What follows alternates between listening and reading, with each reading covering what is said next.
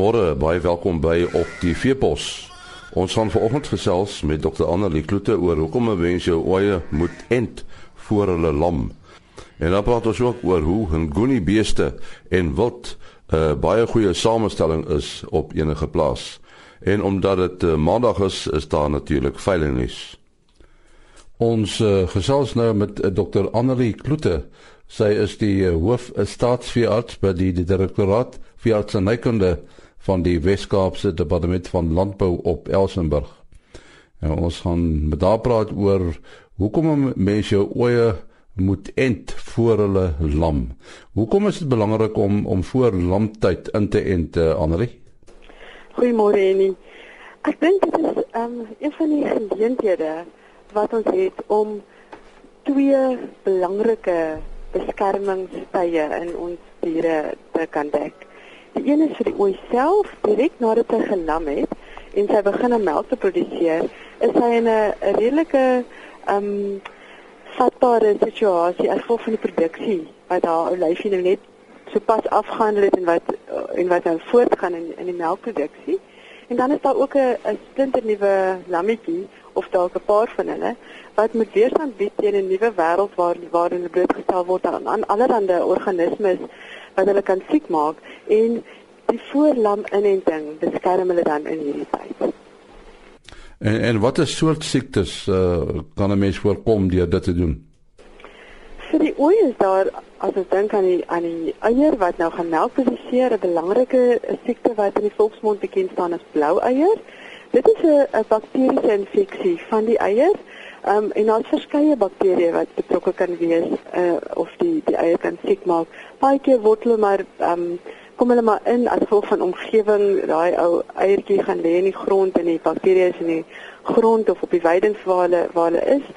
En direk na suiging is daardie ehm um, daardie speenkanaal nog oop en dit is maklik vir bakterieë om in te gaan. En nog 'n belangrike faktor is dat ehm um, bakterieë gaan sit daarso in die eier, hulle is nie noodwendig dadelik begin hulle moeilikheid maak nie. Maar as 'n lam suig, dan stamp hulle die eiertjies so en daardie kneusings veroorsaak dan die skade wat van daai selletjies wat breek, veroorsaak dan 'n uitstekende groei medium en dan kry ons dat hulle blou eier ontwikkel. So as die as haar liggaamsimmuniteit reeds vooraf gestimuleer is en sy het reeds teenliggaampies in die melk vir daardie organismes, dan vat hulle basies daardie bakterieë net daar vas en hulle word um, hanteer en uitgeskei en hulle maak al glad nie siek nie.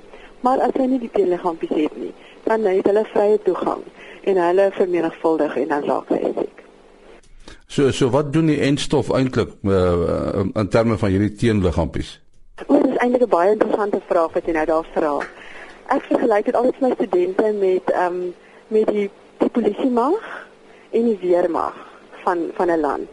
Nou die polisie, myne weet ons almal het ek boeie wat hulle saamdra.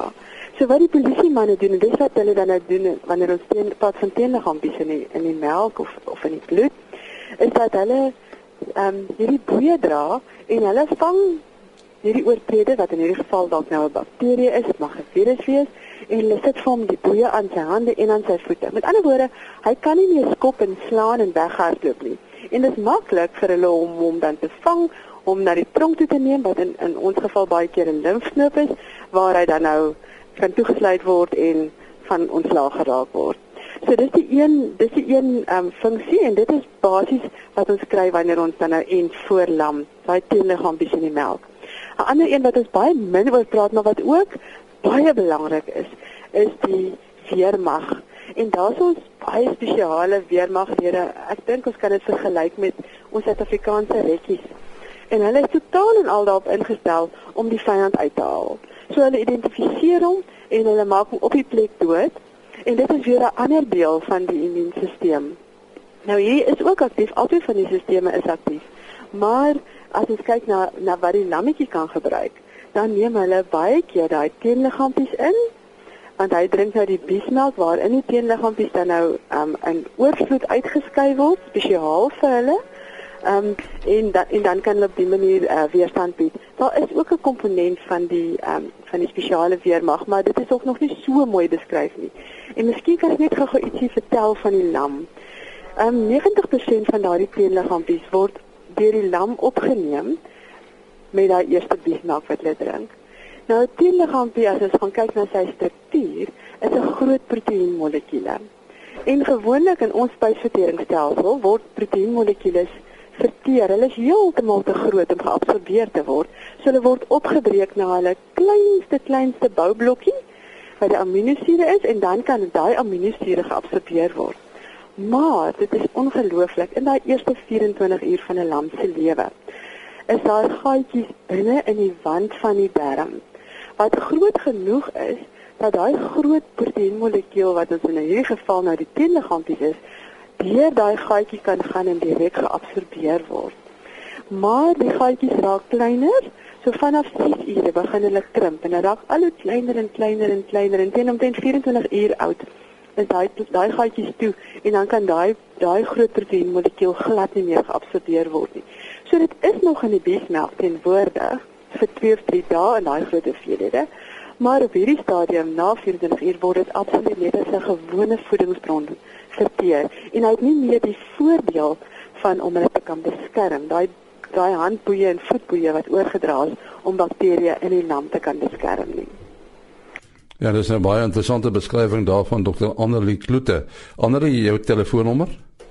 Ehm um, my nommer op in die kantoor is 021 808 5254 hier op Elsenburg. Net weer hy nommer 0218085254.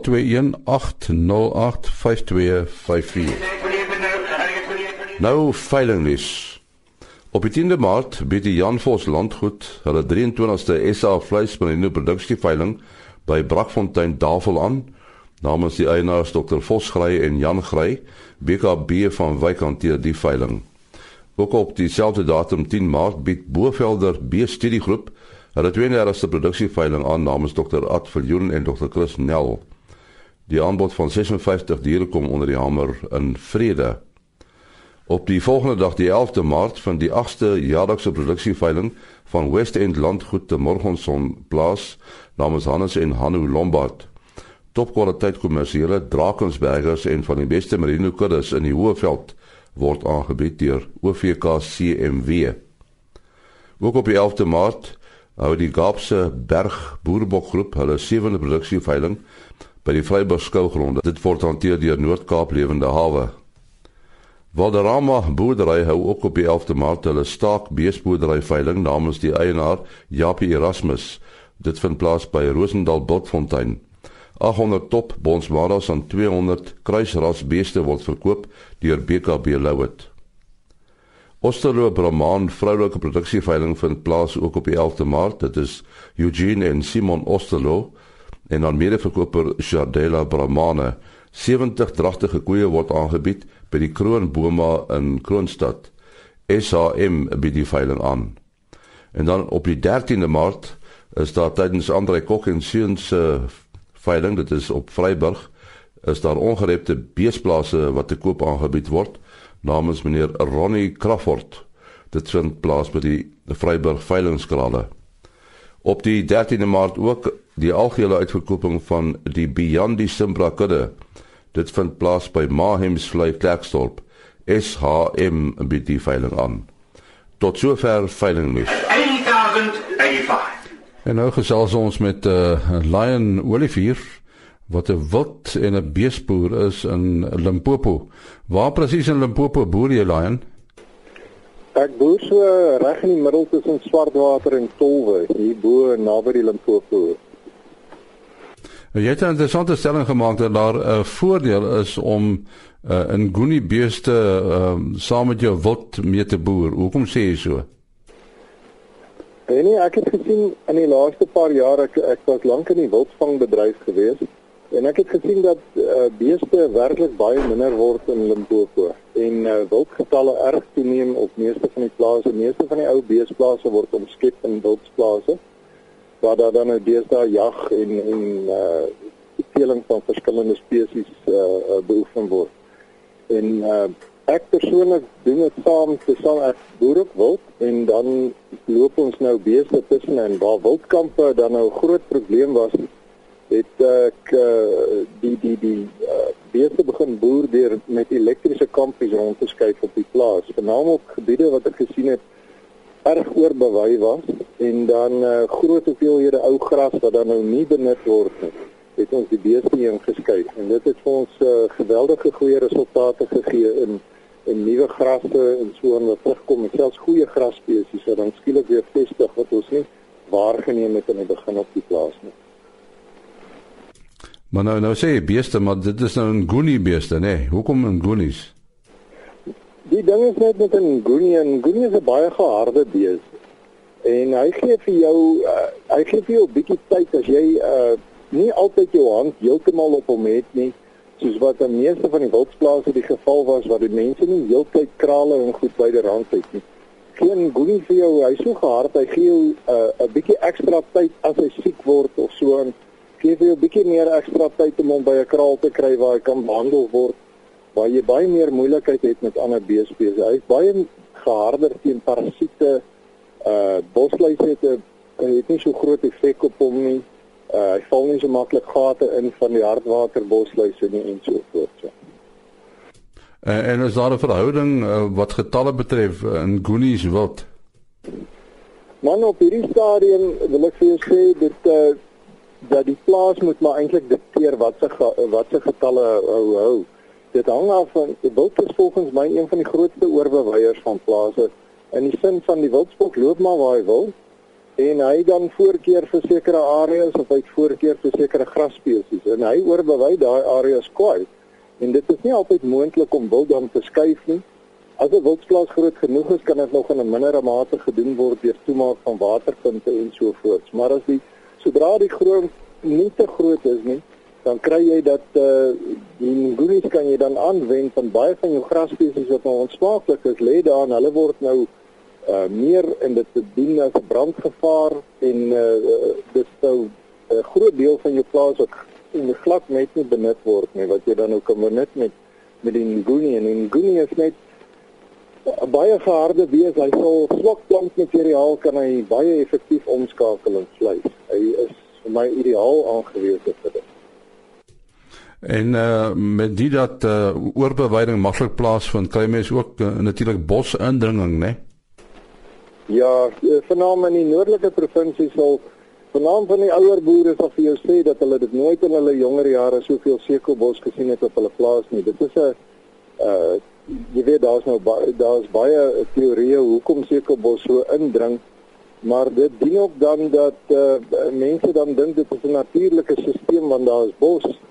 Maar 'n sekelbos, die daar's nie altyd goeie grasspesies wat onder 'n sekelbos groei nie. Jy weet, hy hy is ook maar baie hy hy verg ook maar baie belasting op die grond wat uh uh voedingsstowwe en so aan betref en dit neem dan nou baie uh, uh plek op wat jy met uh, goeie grasspesies kon gehad het en wat jy kon om, ordentlik omskakel na vleis wat dan wins is vir die boer, jy weet. So jy het gesê dat dat die in Goonies aanhou om om veldbestuur te vergemaklik.